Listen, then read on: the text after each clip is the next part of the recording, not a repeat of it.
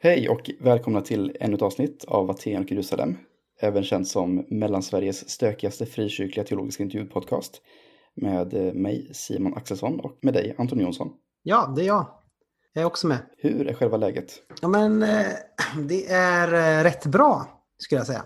Mm. Du vet ju väl om vad det är för dag? För det är ingen vanlig dag. Nej, just För det. det är Aten i Jerusalems, Ja, men femårsdag, sjukt nog. ja, hurra, hurra, hurra. Eller femårsmånad. Ja. Det trodde väl ändå ingen. Nej, Det ska bli fem hela år av det här.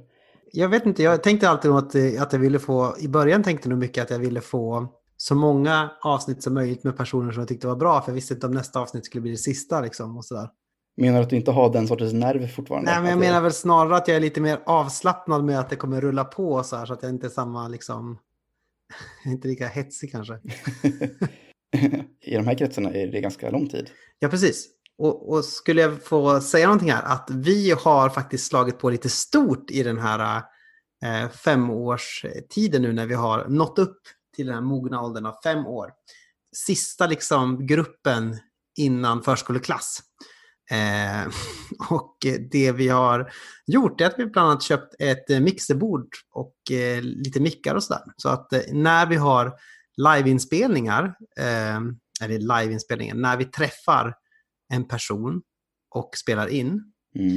eh, så kommer det antagligen vara väldigt trevligt ljud hoppas vi. Vi får se. Ja, precis.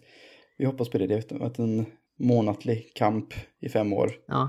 Vem, vem hade anat att eh, teologi-podcastbranschen var så olukrativ? Ja, nej, men det är ju det är helt sjukt. En annan grej för att markera vårt femårsjubileum så har ju du, du bara gick och tryckte upp ett gäng t-shirtar. Ja, det har jag gjort. Och eh, jag har eh, tryckt upp dem på allra bästa sätt. Låt mig berätta om tillkomsthistorien här. Det här är, det här är alltså t-shirtar som är, eh, undrar du, ja, men är de rättvisemärkta? Bara? Ja, det är de. Är de svanenmärkta? Ja, det är de. Är de väldigt mjuka och sköna? Ja. Liksom njuter man av att ha på sig dem för att det liksom känns som att man blir kramad av bomull? Ja, men det känns det. Ja, du ser ovanligt bekväm ut, gör det. Och får du dessutom ett tryck när, med det står Aten och Jerusalem som du kan se på vår Facebook-sida eller Twitter? Ja, men det får du. Ja, eller en länk här i avsnittsbeskrivningen. Och på, ex, på det liksom perfekta eh, lokala sättet som vi gillar att arbeta här så är det ju en vän till podden som har gjort trycket. Eller jag vet inte om han är jättemycket vän till podden, men han är väl lite vän till mig i alla fall. Eh, Viktor Persson i Karlshamn har, eh, har gjort det här, eh, själva designen på Aten och Jerusalem som är liksom som en, det är som en sorts, eh, det är som en sorts rund stadsbild med både Aten och Jerusalem. Det är lite svårt att förklara, ni kan se det på bild.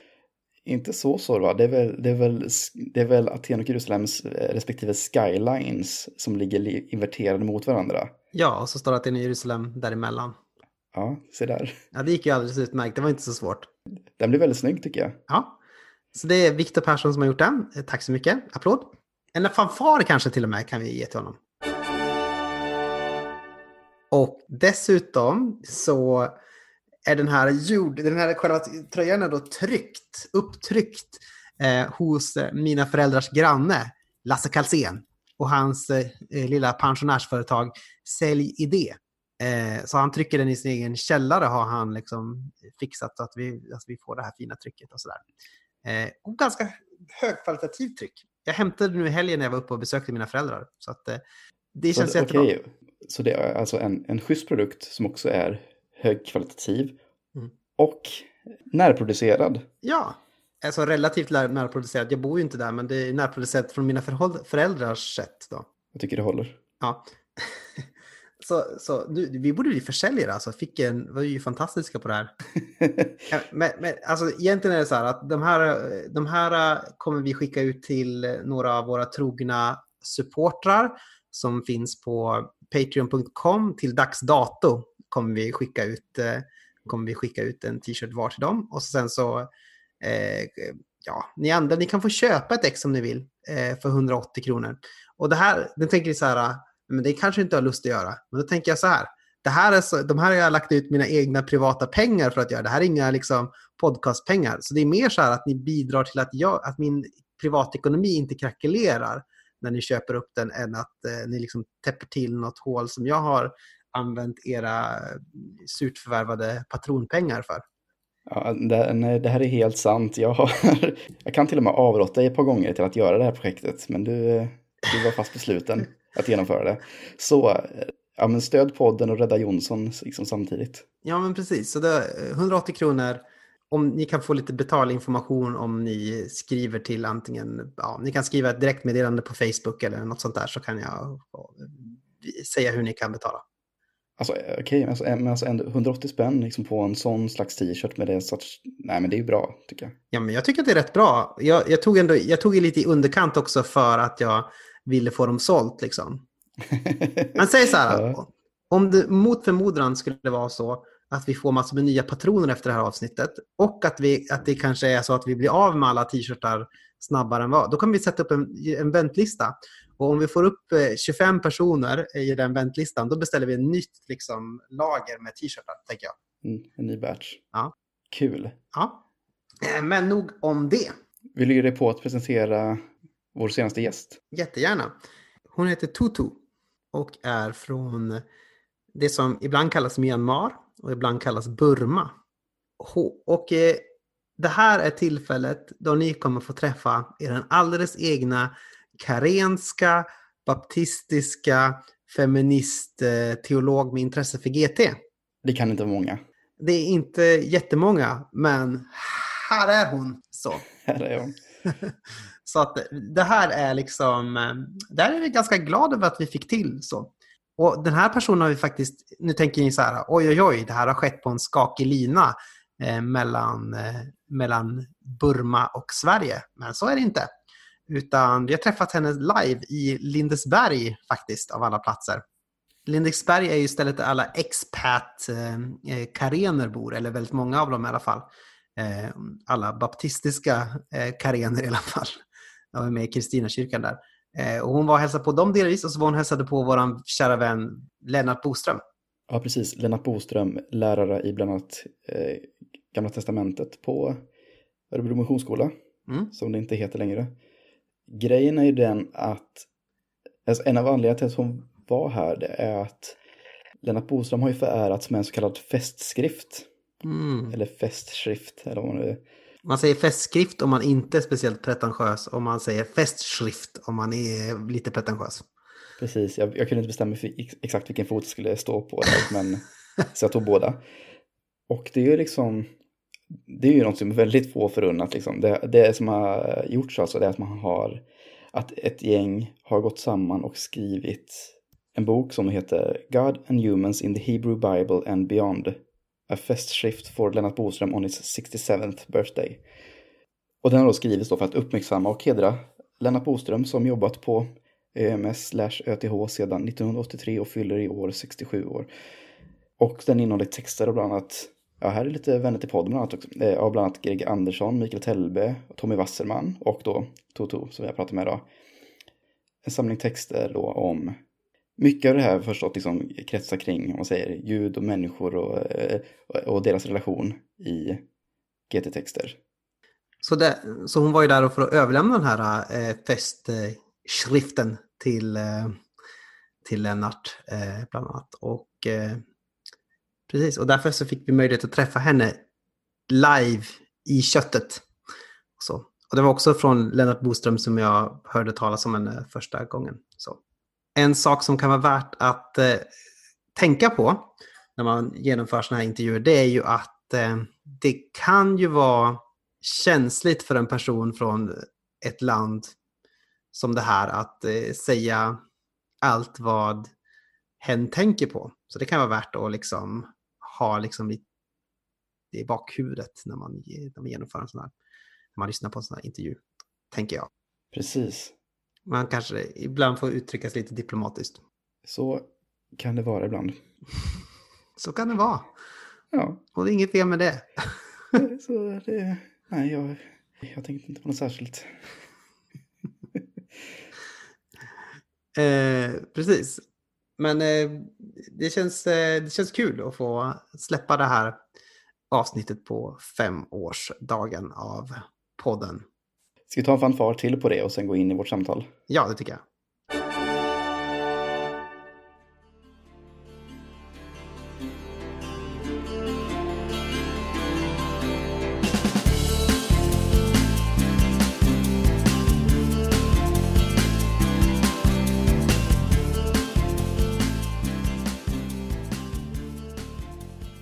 Hello, Tutu. Hello, nice to meet you.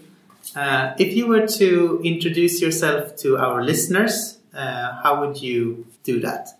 I'm Tutu from Myanmar. I'm teaching at Karen Baptist Theological Seminary, and my uh, concentrated area is Old Testament, and also teaching feminist theology in my seminary. I have my family. Four children, two girls and two boys. And uh, the eldest one is already married, and I also have uh, a grandson. Mm. And my husband uh, is working with the disabilities, and he himself is, uh, we can say that disabled, but now we call them differently able people. Mm. Uh, he's a little bit deformed and he suffered from post polio, but uh, now he's working with we're working in disabled mission. This is just our family mission. We call that group as um, Mercy Care and Development of the Physically Handicapped. Mm. And I'm also working with the disabilities with my husband. You are a Karen Baptist feminist theologian of the Old Testament, and I bet a lot of people find that uh, intriguing. Could you tell us a little bit about your theological journey? How did you end up where you are now? Mhm. Formerly, I concentrated in Old Testament. Mhm. When we were students, you know, we we have never heard about feminist theology, Mhm. and we even didn't learn it like a special subject or something subject included in our course, uh, feminist theology. But when I was a teacher, you know, this subject is assigned by uh, our, how to say, our issue, you know, uh, education, theological education uh, board to teach this subject as a compulsory. Mhm. And at the time, I was, you know, asked to teach this subject, and because you know I've never learned about this subject, I have to read a lot of books, and then I prepared, you know, course for my students. Uh, starting from 2001, you know, uh, I have been teaching this subject, you know, since then. But in 2007, for six years, you know, I, I taught this subject without any learning uh, course from like a academic, you know. Um, but uh, in 2007, I was admitted as a uh, DMin candidate in San Francisco Theological Seminary, and then the area is International Feminist The International Feminist, you know, teaming, they call the course like that. And uh, I was admitted as a student, so I study uh, this feminist theology uh, in San Francisco Theological Seminary, and I graduated in 2011.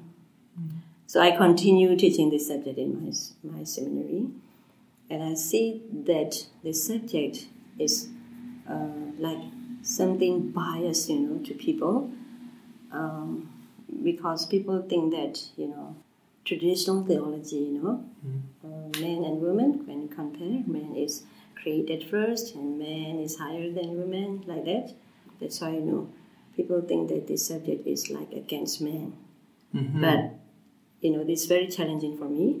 But you know now, as I have been teaching this subject for now, you know, ten years, almost twenty years, you know, I'm pleased that the students are now, how do I say, they are conscientized, you know, uh, well from my teaching, that's why you know the students are now like uh, they they are liberated, more liberated to know more about this subject, and they know that this subject is not to compare with men and women, or this subject is not to fight against each other like that.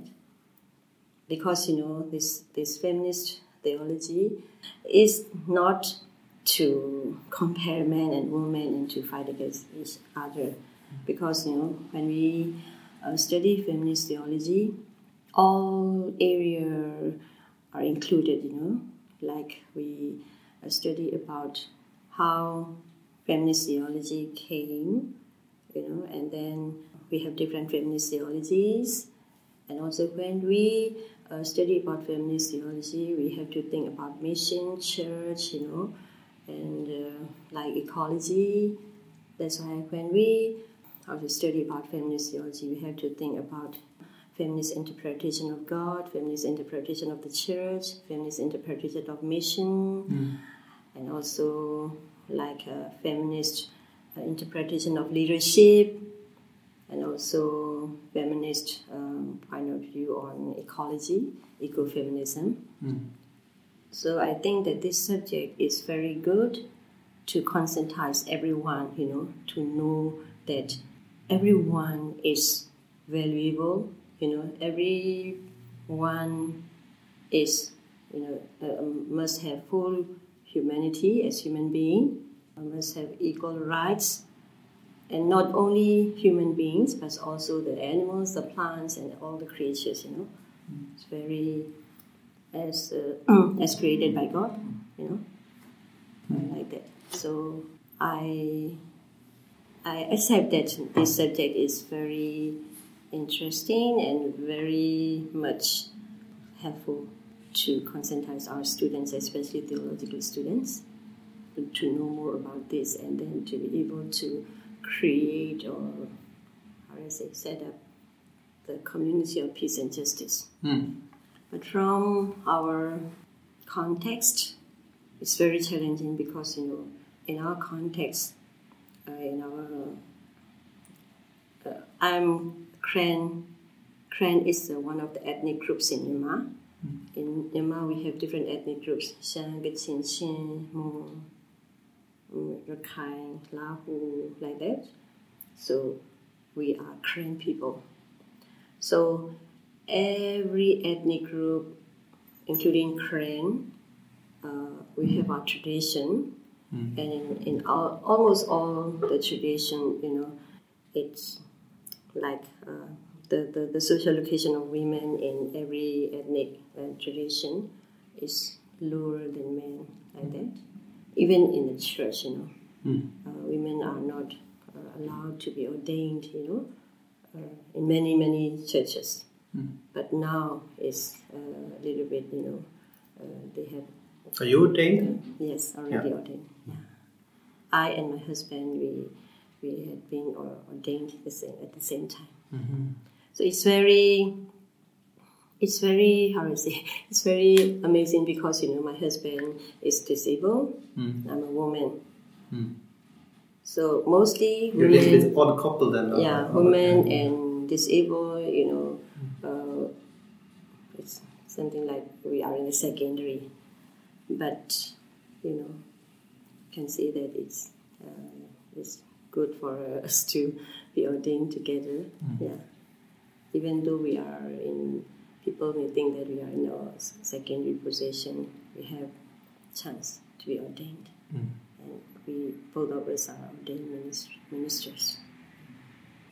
But uh, could, you could you tell us a little bit more about uh, Myanmar and uh, and more specifically, could you tell us uh, more about the Karen people? Uh, as my, you know, in my paper, as you have already uh, read, Myanmar is located in Southeast uh, Asia on the Bay of Bengal, sharing borders with Bangladesh and India in the west. Uh, Laos and Thailand in the east, and China in north and northeast. As I have already told you, it, it is divided into seven stages, uh, states and seven divisions. So we have Burma, Kachin, Kayah, Kayin, and Chin, Mon, Rakhine, Shan. And 90% of the population is Buddhist, while the rest are Christian and Muslims, Hindus, and animists. So many smaller ethnic groups uh, and clusters are also spread throughout the country, and each of the ethnic groups speaks different uh, dialect and observe different customs and traditions. So we are, and the, the, the most religion, um, the you know, is um, Buddhist. The Buddhist is the main religion there. Mm. We also have other, you know, uh, religions that I have mentioned. And we, the Karen people, formally we are the second largest group, Karen people. Mm. Karen group is the second largest. But now, um, sorry that I don't have the exact data, but now, you know, uh, the Karen people, the, the majority is Burma. Burma means Mayadi group. And then the Karen is the largest, uh, sorry, the, the second largest.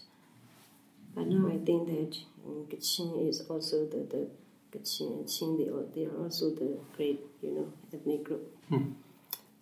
And we, the Karen, are uh, in that country, and um, we have a history like our ancestors, you know, uh, as a military and as a revolutionaries, they against the Myanmar uh, government.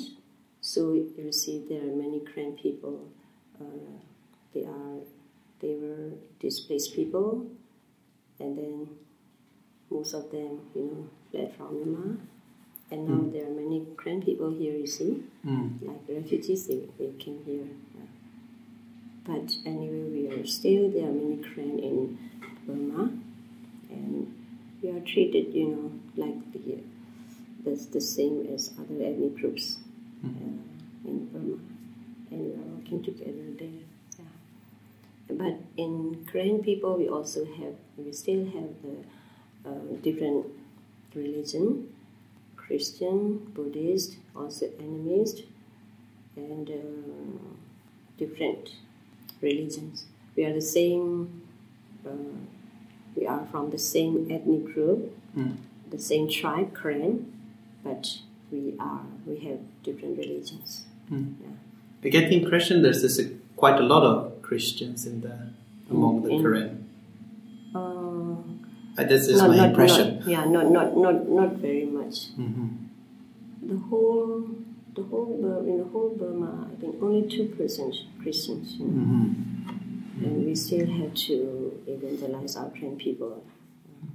As you said, you're living in a, in a Buddhist society, and in Sweden, I think there is a, a sense that like Buddhism is like the perfect equitable religion, mm-hmm. uh, and so it must bring about like perfect balance between the sexes, um, gender equality. But you have quite a different picture of what it's actually like to live in a Buddhist culture as a woman. Uh, so, what is it like to to be a woman in uh, in Buddhist Myanmar? Um, I respect Buddhist religion, mm. and then you know um, I appreciate their I say their practices. Mm. And it's quite good, but I don't know exactly. But you know, as a uh, as a, how I say citizen there, mm. we are uh, very much involved with Buddhist people, mm. and uh, they used to say that man has pone, pone is glory. Mm-hmm. Man, every man has pone glory. That's why men are mostly highlighted and men are reverent, you know. Mm. Uh, and then uh, they call men as or husband as Eng Una. Eng Una is like um, king of the house, you know, mm. like that. And uh, in Buddhist religion, I've noticed that some of my friends, like the girlfriends, you know, mm. the girls, when they uh, go to the place uh, where they have they have to offer something in worshiping.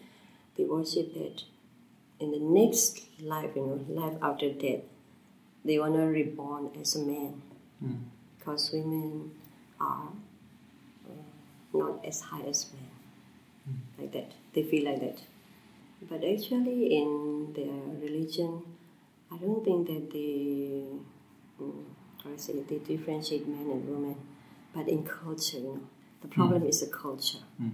The culture, not only the Buddhist culture, also, um, but also the other ethnic groups, because we are influenced by Buddhist culture there. Hmm. That's why, you know, even our Christians we think that, you know, man is higher than women in every, any situation like that. Okay. Yes, It also uh, influences like the Christian Mhm, perception. of- Yeah, yeah.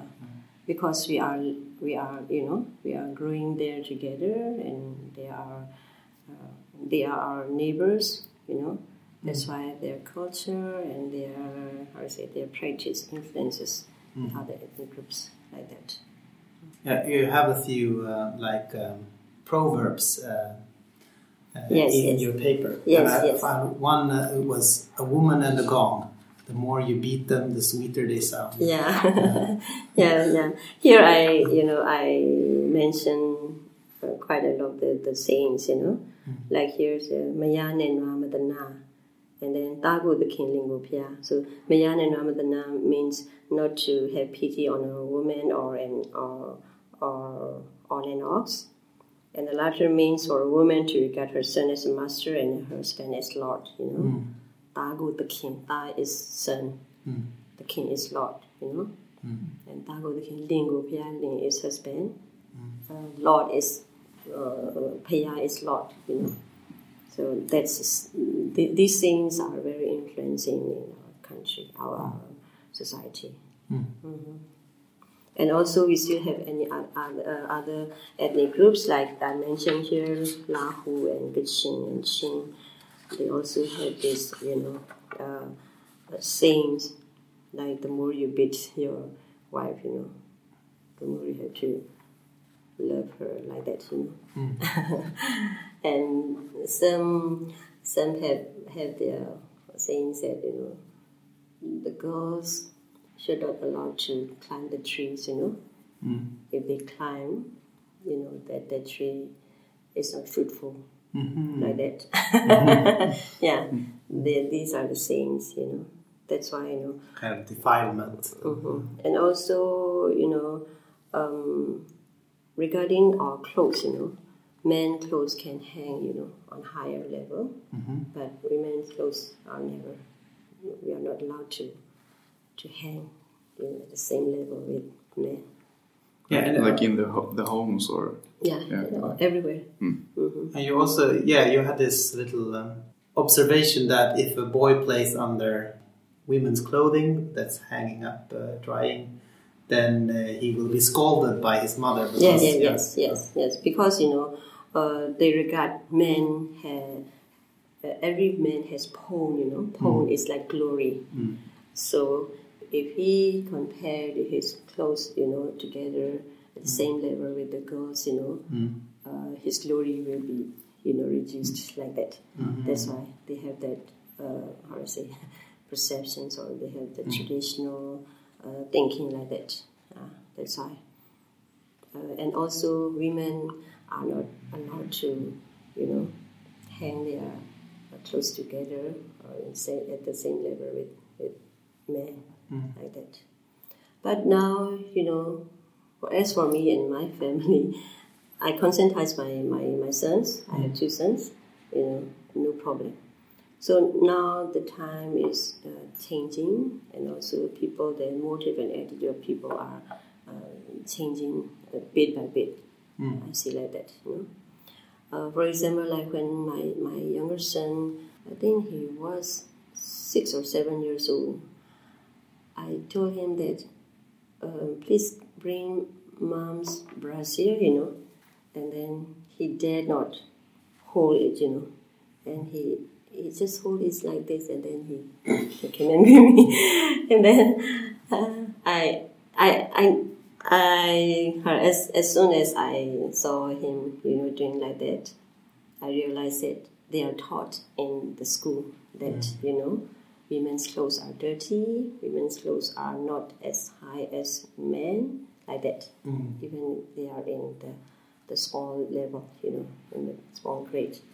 That's why you know he he acted that you know this brassiere is very dirty, and then you know mm. yeah, that's a women's clothes like that.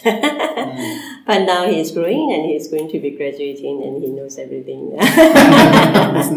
yeah.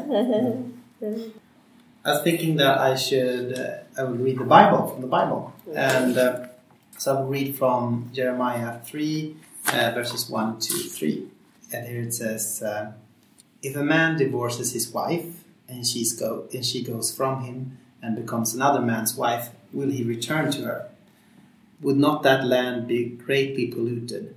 You have played the whore with many lovers, and would you return to me, declares the Lord? Lift up your eyes to the bare heights and see. Where have you not been ravished? By the waysides you have sat awaiting lovers like an Arab in the wilderness. You have polluted the land with your vile whoredom. Uh, therefore, the showers have been withheld, and the spring rain has not come. Yet you have refu- you have the forehead of a whore. You refuse to be ashamed.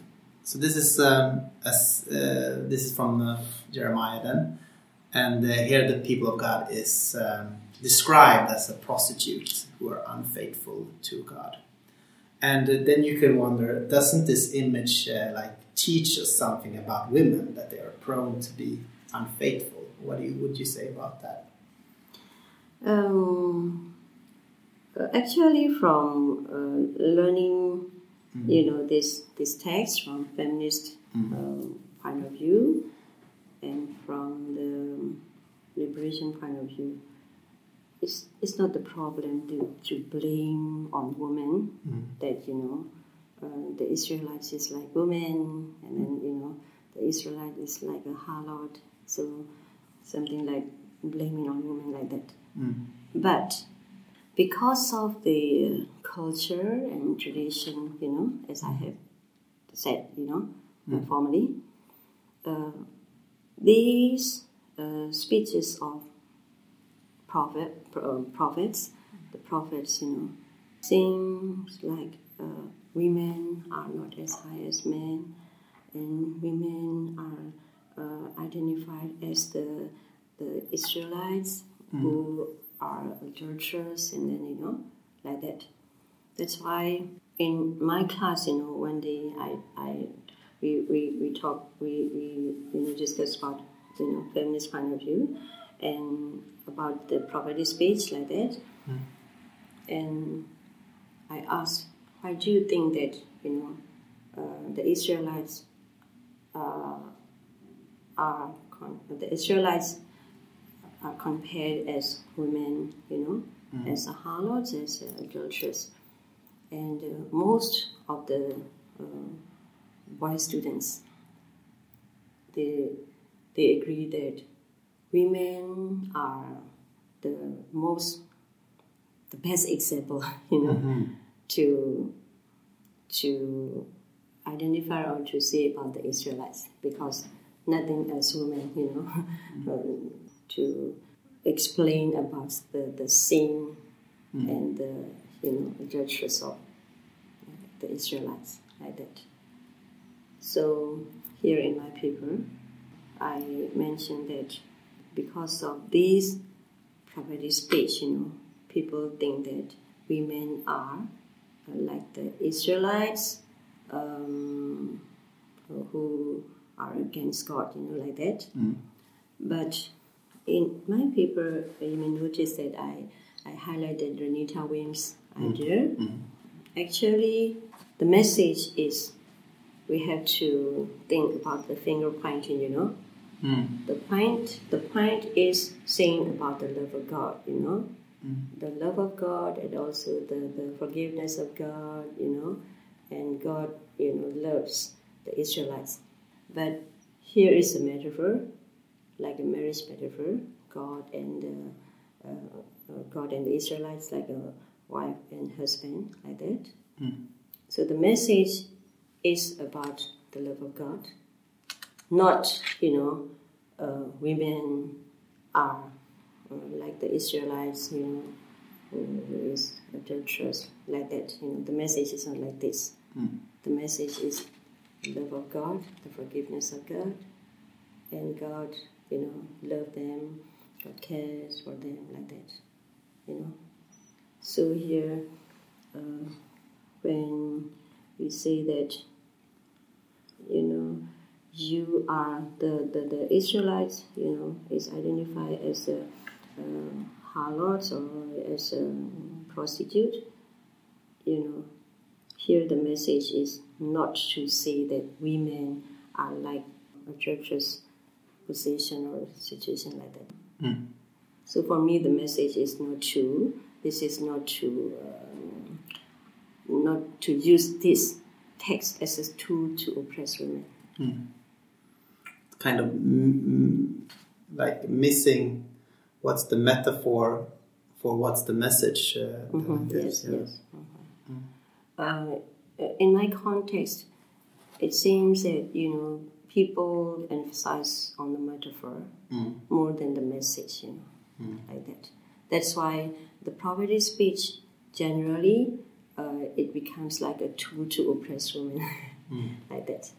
That's why you know I want to conscientize people and to open their you know mind to think about this prophetic speech from feminist perspective, highlighting the love of God and then you know the full humanity of everyone that God values like that. Uh, the famous post Christian theologian Mary Daly has said that if God is male, then the male is God. Is there any truth to this? And if there is, then the more important question is Is God male? If God is male, then the male is God. So if we if we think like that, you know, we will. If God is male, male is God. That's why, because of that, people think that oh, male is God. You know. Um, actually, God is God. You know, God is neither male nor female. From my understanding, God is God. God is neither male nor female. But in my context, um, people think that God is male. Mm-hmm. That's why they said male is God, mm-hmm. like that. So they said male has pone. Pone is Burmese language, glory. Mm-hmm. So God is to be glorified, God, and then God is to be glorified like that. So man is like God, and man is to be glorified from our, you know, uh, context. But I think uh, uh, uh, I, I understand that Mary Daly, you know, explained and highlighted that if we we regard God as male, you know, male is God, like that. so sometimes people think that you know God is male. That's why you know male is identified as God, you know, like that. But from feminist perspective or theological thinking from feminist point of view, we learn that God is God. God is neither male nor female. So God created men and women by God's image. So God's image is in both men and women. So God can be not not real human like as human being, but God can be having a metaphor of male and also female. But God is not male or neither male or female. God is God. Like that. So I understand like that. And about those metaphors, one of the titles of God in the Old Testament is El Shaddai. Mhm. Could you tell us what does that mean? So here you see in my paper, Yep. Mhm. El Shaddai. Here is like um, uh, um, as as far as I remember, like a, a god of god of breast. You know, breast god. You know, breast god. That's why you know, women uh, has nature of breastfeeding like that. So from this El Shaddai, the original Hebrew here, the word ra- rahamim, used for God's mercy, compassion, like also like womb, you know. So women has to deliver his baby from his uh, or her baby from her womb, and also after that breastfeeding, you know. Mm. That's why it means that the, this this nature of God is like woman, mm. like a mother. Mm. So actually, God is not a woman, but you know the nature of God is also like a, a mother. Mm. with it. people, especially in my country, you know, we think that God is male, and also we mention God as Father, God as our King, mm. King, and then God as our um, Shepherd. So these are like a male, you know, mm. Shepherd, King, and also Father, you know, warrior, like a you know man. But you know, I want to uh, highlight here is this is just uh, how do I say just to to explain about God. You know, just a metaphor. We can say like that. Not the real that God is like a king, a man. You know, because you know compare uh, with that we can see many other uh, how to say scripture texts about the nature of God as woman, as mother, mm. like that. I gave birth to you Mm-hmm. out of Egypt or so. I think Yeah, it yeah, says in Exodus. So mm-hmm. there's this. Yes, like the, the Moses said, mm. you know, these children that you you, you, you gave birth, you know, the, the Israelites, you know, this is not I gave birth to them, you gave birth to them like that. It's also a fitting metaphor because it's of, I mean, the hardship of slavery and the hardship of labor, maybe. So it's. Uh, Mhm, yes. yeah. mhm, mm. So I mentioned here, you know, many texts here, uh, you know, highlighting God as woman, woman, you know. Well, as, as you said, there's a lot of male imagery in the scripture, but why do you think male imagery is still the more dominant strand in scripture? For example, like this, the, the, the in the Old Testament, you know, God is like a warrior. You know, that's why for uh, when we compare the song of Moses and that of Mir- Miriam, you know, when they uh, crossed the Red Sea, I think in Exodus 15, I think the song of Moses highlighted. Uh, you see, the song of you can compare the song of Moses and the the the, the that of Miriam here. Mm. And God is my strength, you know. God is my warrior, you know. So mm. like male imagery here, mm. see, and then oh, it's with with glory, you know, um, with might like that. So when we compare men and women, you know, we can see that oh, man is like mighty and strong. As a woman is not as strong as men. That's why here something like these scripture texts. And also in the New Testament, Jesus taught us to pray, you know, Our Father, who art in heaven, hmm. hallowed be thy name. So mentioning, you know, um, God as Father, like that. And also choosing the, the, the, the disciples, 12 disciples, only men, hmm. like that. Hmm. And God is interpreted or God is shown as shepherd. Shepherd is, you know, mostly men. So in the Bible, these imageries are, you know, highlighting God as male. And these are very influencing in our theological thinking, you know, our Christian community. That's why it's, sometimes it's very difficult uh, for male to accept women as high as men, like that. Would you say it's uh, difficult being a feminist theologian in Myanmar? hmm a little bit. uh, we don't have many feminist theologians in Myanmar. We can. Are you the one? The only one? No, not no. uh, we still have, you know, I'm teaching in Karen Baptist Theological Seminary, and beside our nearby our school, we we, uh, we are in the middle, and uh, there we have Dr. E. E. Moore. She's also, you know, she's doing systematic theology, and she is also feminist theologian. And also in this side, we also have uh, Dr. Etagi, Dr. Inoue, two or three. Then we have feminist theology. So altogether, we can, we, we can, but we can fold our fingers, you know, not very much. but we are still trying. And we also introduced gender study center, gender balance, you know, because in our country we have to think about that very much, gender balance, you know, gender, yeah, yeah, because you know. Uh, but we don't we don't think only men and women. We also think about the other, you know, uh, how to say other levels like children and adults, and also um, um, like the rich and the poor. You know, uh, we must respect each other. We must have gender balance like, like that. So feminist theology is, uh, we can say that it's a, a bit related to gender balance. So we are trying, both men and women now we are trying to negotiate each other and then we also conscientize men to know more about feminist theology and also gender balance.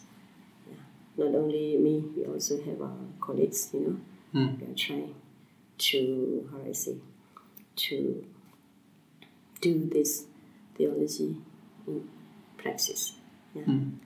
Because you know I, I, I have responsibility to teach this subject you know. Hmm. I try I try to apply this subject. And also I teach my students to know more about this. And even I wrote my my dissertation on the topic of conscientizing conscientizing uh, the students of Karen Baptist Theological Seminary about feminist theology in the Myanmar context. That's my dissertation. Yeah, because you know they are not conscient, conscientized about this subject. Not mm, not only the students, but also all the male ministers. You know, they think of themselves that they are worthy. they are just worthy to be leaders in the church. You know, so we still have many churches. Um, um, they, they are not allowed. uh, They are they, they do not allow women to be ordained. We still have many churches.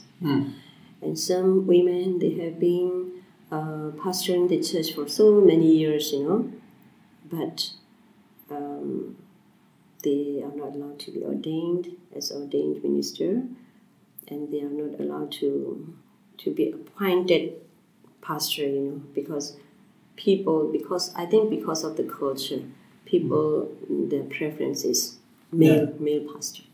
They function as a pastor, but they're not officially the pastor. Mhm, maybe. Yes, it's Yeah. like that. Yeah. There are many, many women, you know, we honor them very much, Mm. but, you know, they are not allowed to be uh, like a um, pastor, appointed pastor, like that, officially appointed pastor, like that. In Sweden, there is, in if you read the, the history for about maybe 100 years ago or, or less, uh, it's, it's common that there were only male pastors, but the missionaries were women. so it's kind of like Mhm. they can teach, uh, they can teach uh, and um, teach the Bible if they're abroad, but not in Sweden. Uh, so that was Yeah. kind of historical. And, mhm. and women are, um, how do you say, are placed usually at um, Sunday school teacher Mm, level. yeah. and then working in the kitchen of the church like that uh, because you know they think that uh, women uh, are not suited holding the, the, the you know like the the bread and the wine you know? Because you know women are not as women we, women uh, do not have pone like men like that. Maybe because the influence of that culture you know? Mm, are overwhelming us that's why. But now we are trying and then people have more understanding about you know the, the equal rights and equal levels you know so compared to the past or the the, the, uh, the previous time now it's quite improving. In their motive and attitudes. So in the ministers uh, council like uh, in our Karen Baptist convention you know we have ministers council. So when we say minister councils you know as for me both men and women are inclusive but uh, we have four years at time we have conference and like a congress conference you know and I don't, I, I didn't see much women ministers came. Almost, you know, we can say that almost all the participants are men, and only just one, two women came. And that's why you know, I asked, I asked the leaders there, you know, why, why not, you know, allowing women to come? And they said, oh, we, we allow them, but they, they don't want to come, and they, they themselves, you know, you have to upgrade your women, they said. because, you know, we already, you know, uh, mm, let them inclusive in, in the same level. But you have to conscientize your women because you know women themselves think that they are inferior to, to men and then they don't want to participate and they think of less themselves, you know, like that. And then I say yes, but you know, both you men, you know, and women like us, you know, we have to encourage them, hmm. you know, to know themselves that they are worthy, they, they can do, you know. But because of the culture and because of the tradition, you know, even women themselves, you know, think that they're not worthy and they dare not do like that. So women like me, uh, like me, you know, um, we, we don't think that oh, we are inferior to men. We are not also superior to men. You know, we are in the same level, so we can we can work together. We can do together. So we dare to do everything you know together with men. But some people say that uh, see us that oh, they are very you know. Uh, they want to compare themselves with men like that, you know. Maybe some people still think like that, but we don't care. Women like us, you know. and then you know when people say that, oh, Jesus, Jesus chose just men, you know, uh, twelve disciples. The twelve disciples are men. We don't. As for me, you know, I don't care because you know, I don't um, emphasize on male disciple. I just emphasize on what is the meaning of disciple, you know, discipleship. When we consider about what is the meaning of discipleship, you know, it's no problem for us to, to work together with men, you know, uh, in the ministry. For me, I feel like that. Yeah, uh, I'm going to ask you two questions that we ask everyone that we have on this podcast, and this is the first one: Who is Jesus? Who is Jesus? Who is Jesus? Oh, that's a question. Yes. For me. Oh, ah. yeah. So I believe that Jesus is uh, both divine and human for me. So historically, I believe that Jesus, you know, lived in the past. And also, as I believe that He is divine, He is God, and so He is living, you know, forever. So, and in, in the past, he, he came and he was crucified, and he himself, you know, tell, uh, told uh, the disciples that, you know, who those who, you know, see um, God, you know, see me, so I and God, you know, are the same. And also before uh, he ascended to the heaven, he said, you know, I leave the Holy Spirit with you, and the Holy Spirit is, uh, will be your guide, your teacher. So I believe that Jesus and God, the Creator, and the Holy Spirit, you know, the Trinity. I also believe in the Trinity and the same, you know. So I believe that Jesus is my Savior, Jesus is my Lord, Jesus is my life, and Jesus is especially the life giver, and also Jesus is a liberator for me. Because when Jesus came, he came as a Jewish man, and uh, when we uh, study about the Jewish culture, you know, it's very um, the, the, the Jewish culture.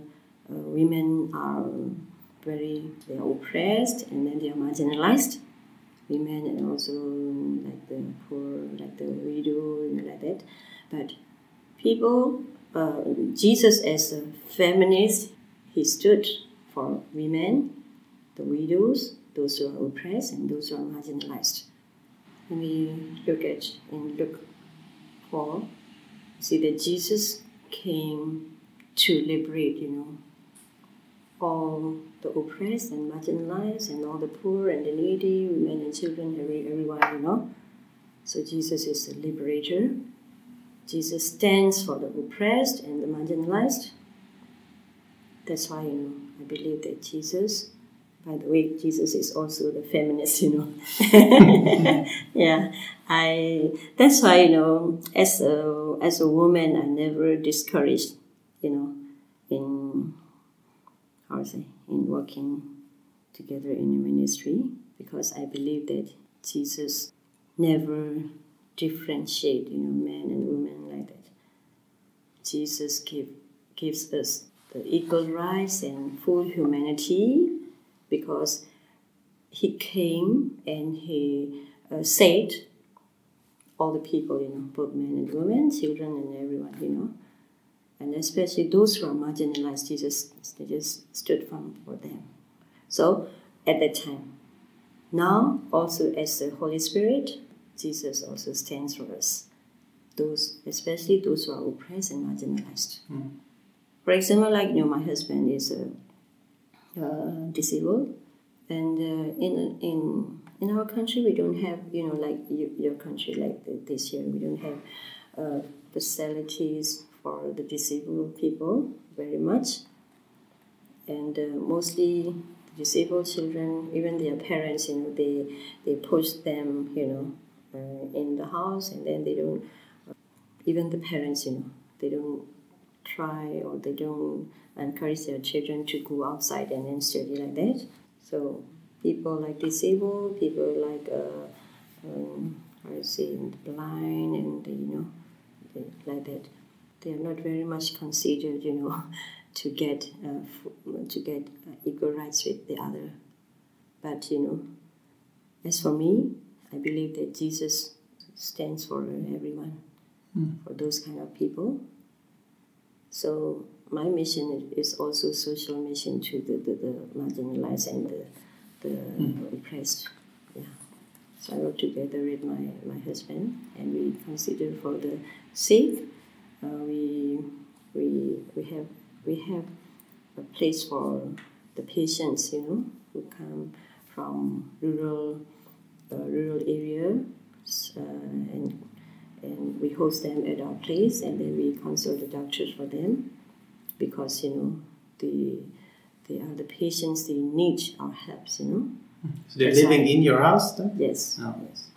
I I have apartment from uh, accommodation from my school, mm. but we also have another plot, you know, given mm. by my husband's cousin, and we built a house there, three stories, and then we the, the at the bottom uh, we we welcome the patients to come, mm. and then the second floor we prepare for the guests, and my husband uh, and I we we are living at the top. mm. Before I came here, uh, my, my husband slept, uh, you know, and uh, bone of his thigh broken t- two two places, you know. Mm-hmm. and uh, uh, we went to the hospital and he got surgery, and then I think the doctor put steel, you know. Mm-hmm. yeah but he's now well. uh, and we are working together with those kind of kinds of people, and we believe that Jesus had had or has, you know, that kind of heart. Mm. So Jesus stands for everyone.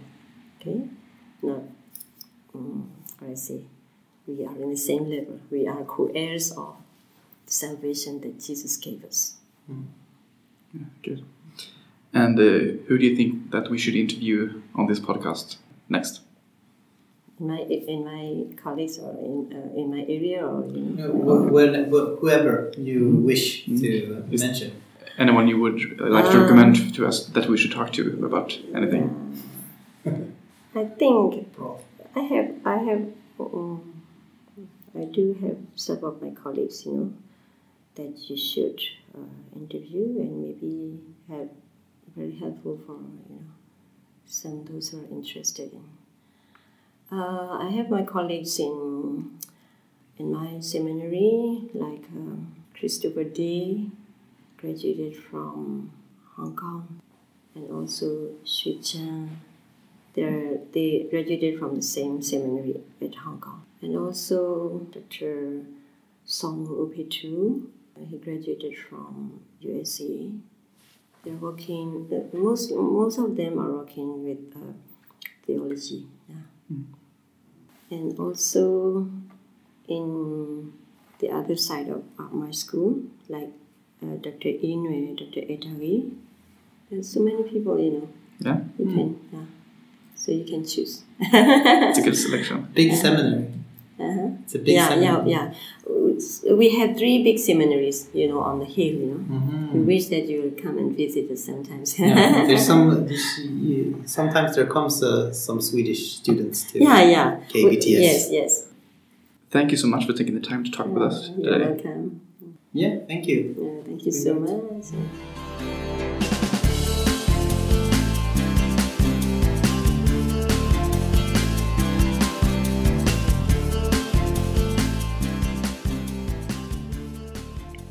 Sådär. Yes, Då var det dags för eftersnack, eller vad säger du Simon? det är sant det du säger. Det är det. Jag talar alltid så sant jag kan. Eller jag vet inte, det kanske var lite överdrift. Ja, ja, hur som helst. Ja, vad tänker du kring det här då? Jag tycker för det första att det var en trevlig roadtrip tillsammans. Mm? Eh, när vi åkte upp hit. Det var ju du, jag och Sofia och Esra Ja, som åkte upp. det var vårt första möte. Ja, det var det. Ja, det var det. Han fick en leksakstraktor av dig. Det var, uppskattade han mycket. Eller han kommer uppskatta det när han blir äldre. Eh, Han har inte fått leka med den än. ja, men han ju, kan ju inte röra på armarna synkronis Eller han kan ju inte liksom styra armarna så bra. Du kan väl lägga den på honom. Det kan jag för sig göra. Jag vill, jag vill liksom vara med i, liksom i hans eh, eh, radikalisering mot ruralismen. Mot, Ja, precis. Förra avsnittets eh, tema. precis. Eh, han, eh, det, är väldigt roligt att leka så här eh, att han rider. ja, Alltså att man sätter honom på knät så, här, och så håller man ut armarna så här. Och så, alltså där. För då, det ser otroligt roligt ut när han liksom är som en liten tjock cowboy som sitter där och skakar fram. Liksom. gör så gott han kan. Ja, Hänger med. precis. Men det var inte det som vi ska prata om egentligen, min son, eh, hur han rolig han ser ut. Utan det här eh, eftersnacket borde ju kunna fokusera på samtalet som ni nyss har lyssnat på, våra lyssnare.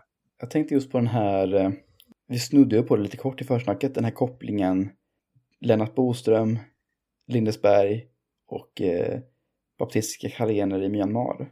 Ja. Det är ju eh, Lennart Boström som är kopplingen, tänker jag. Ja, precis. Eller hur? Går det att lägga ut texten lite om vad som, vad som försiggår här egentligen? Jag vet inte riktigt om jag är rätt man, men Lennart Boström gjorde ju, eller engagerade sig väldigt mycket för de karenerna som flyttade in i Lindesberg, vilket ledde till att han kom i kontakt med eh, typ karenska teologiska seminariet och då började han resa dit eh, och, och ha lite gästföreläsningar. Så det ledde också till ett utbyte mellan den här karenska eh, baptistiska teologiska högskolan och eh, eh, missionsskolan. Så att ibland så åker det liksom studenter till Myanmar och eh, slash Burma och eh, ja, deltar i studierna. Och så, sen så kan det vara ett utbyte åt andra hållet också, att det kommer karenska studenter till Sverige och missionsskolan. Så det är ju Lennart Boströms förtjänst. Han har ju en liten sån här eh, mäktig liten vimpel utanför sitt rum där det står typ, som är så här väldigt glittrig, där det står Karin Baptist Theological Seminary och sådär. Så det är ganska mm coolt. Men en, en sak som jag tänkte där med Hutu, eh, Tutu, det är ju, jag tycker det är så intressant när hon kommer in på det här med vem Jesus är. Just det, ja. Så, Ja. kommer, hon, så kommer hon in på den här frågan om hur, hur, hon, hur hon lever. Liksom och så. Det tycker jag är en väldigt intressant fråga. Alltså det här med levd kristologi, det tror jag att vi har varit inne på till exempel i samtalet med Joel och eh, Fredrik. Joel Halldorf och Fredrik Lignell som vi hade lite längre bak.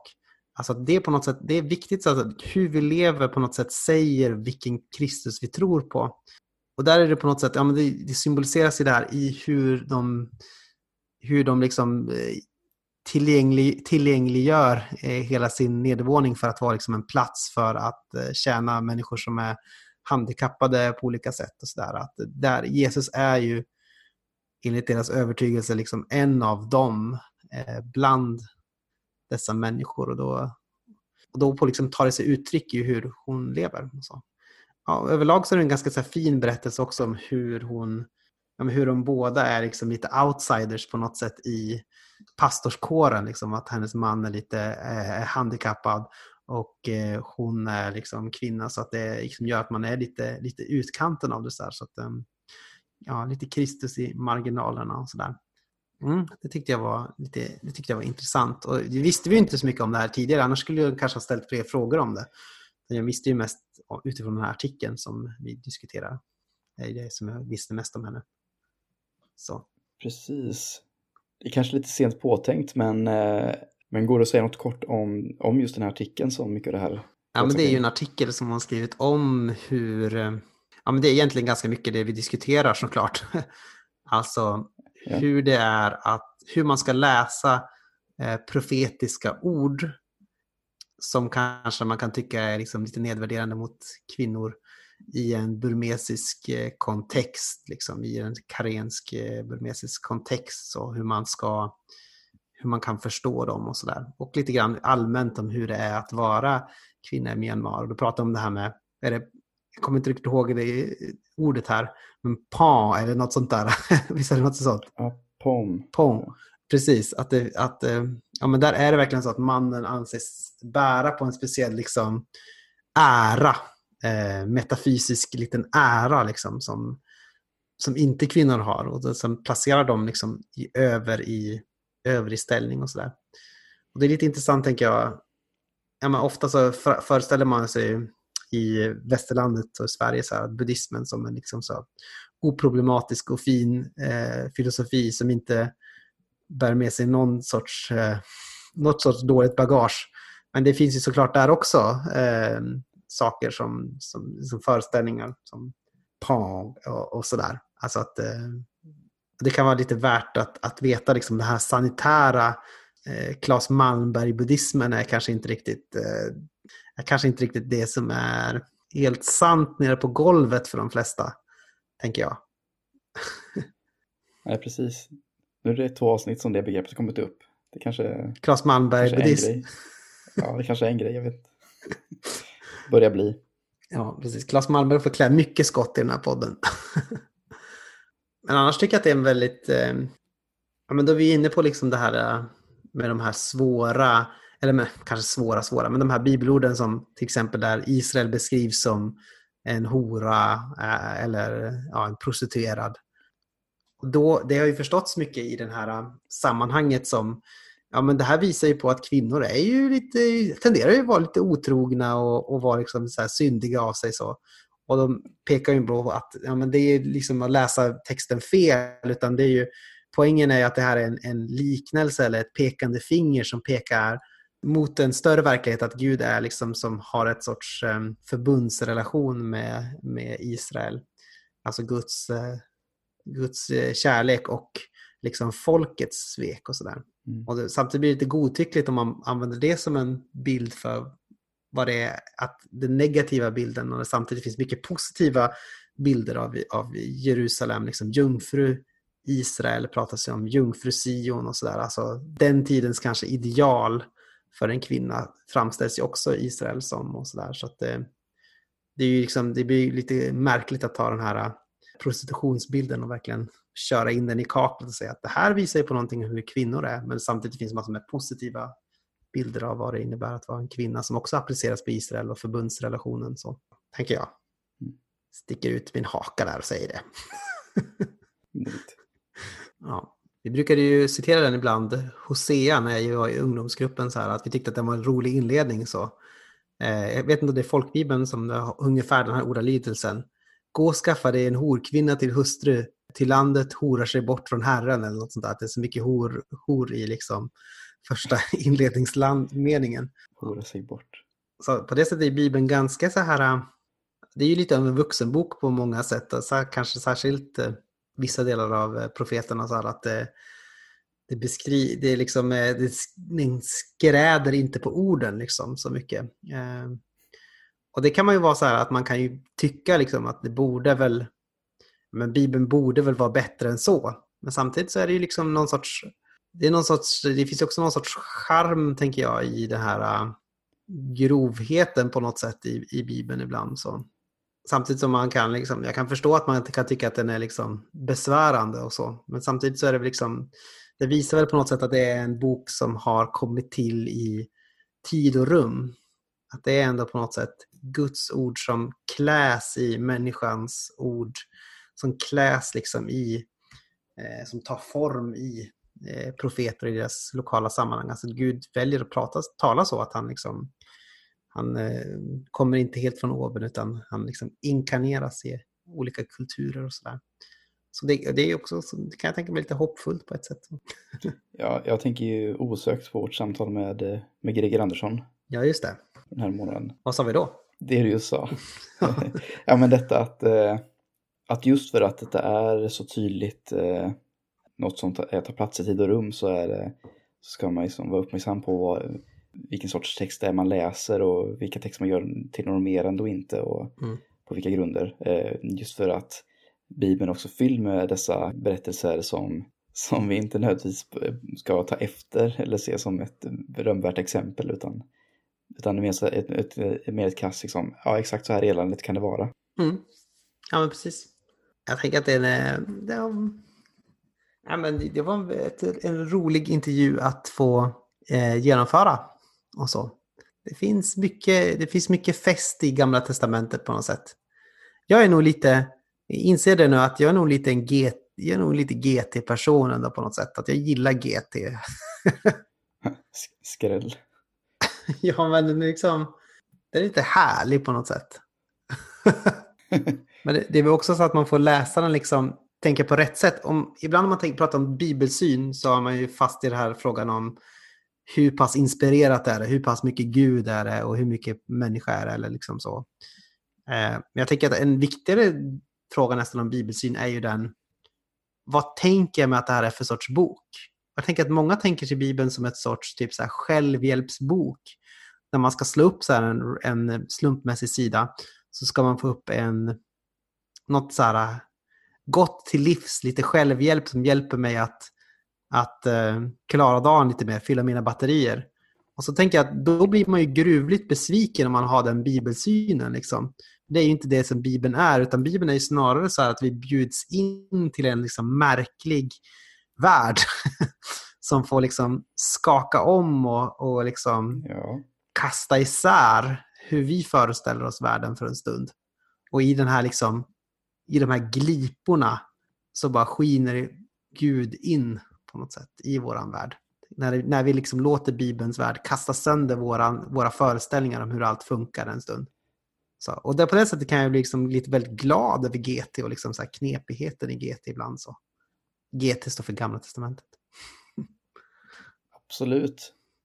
Och slash, men den lilla, den lilla, lilla pingstvännen i mig flaggar ju för, liksom att det, för öppningen för en sorts andeledd ströläsning. Men jag tänker också att den sorts läsning vilar, bör då vila på stabil grund av att det här är texter vi, vi läser och tolkar och lever tillsammans så att man eh, då inte riskerar att, eh, att bara rycka olika texter och forma dem till vad man vill. Eller stöta på en jobbig text och eh, få mm. problem med sin gudsbild helt plötsligt. Och, Sen så finns det verkligen det här med, ja, men, som jag tänker att Tutu också är inne på, med liksom det finns ett sorts centrum som allting kretsar kring och det är Kristus. Liksom. Den här mm. Gud som liksom tar plats bland de eh, marginaliserade, icke-privade människorna. Som på något sätt blir en bruten kropp bland andra brutna kroppar. Att det är ju på något sätt centrum som allting kretsar kring. Och, så. och där också i den brutenheten så skiner Guds gudomliga ljus in. Mike Drop. Ja. Och eh, i det där så, så har ju liksom feministisk teologi då en plats i och med att den också hjälper oss att eh, se förbi eller omforma de här tidiga kategorierna och eh, se mm. maktstrukturerna bakom. för att kunna hjälpa oss att lösa oss från dem. Precis. Ja, men det blir bra, eller? Ska vi lämna det så? Mm. Ja, grattis till oss, fem år. Vem hade anat? Inte jag. Och, eh, och eh, ni vet vad ni ska göra vid det här laget. Mhm. Eh, om du har tid och lust och ekonomisk möjlighet, eh, fundera på ifall, ifall kanske just du ska stötta den här podden ekonomiskt eh, för dess fortlevnad och utveckling. Eh, tills dess kan du också fortsätta att eh, gilla oss på Facebook, följa oss på Twitter, s- skriv ett mejl, lämna recension, dela, recensera, berätta för en vän Köp en t-shirt. och kanske framför allt nu, köp en t-shirt.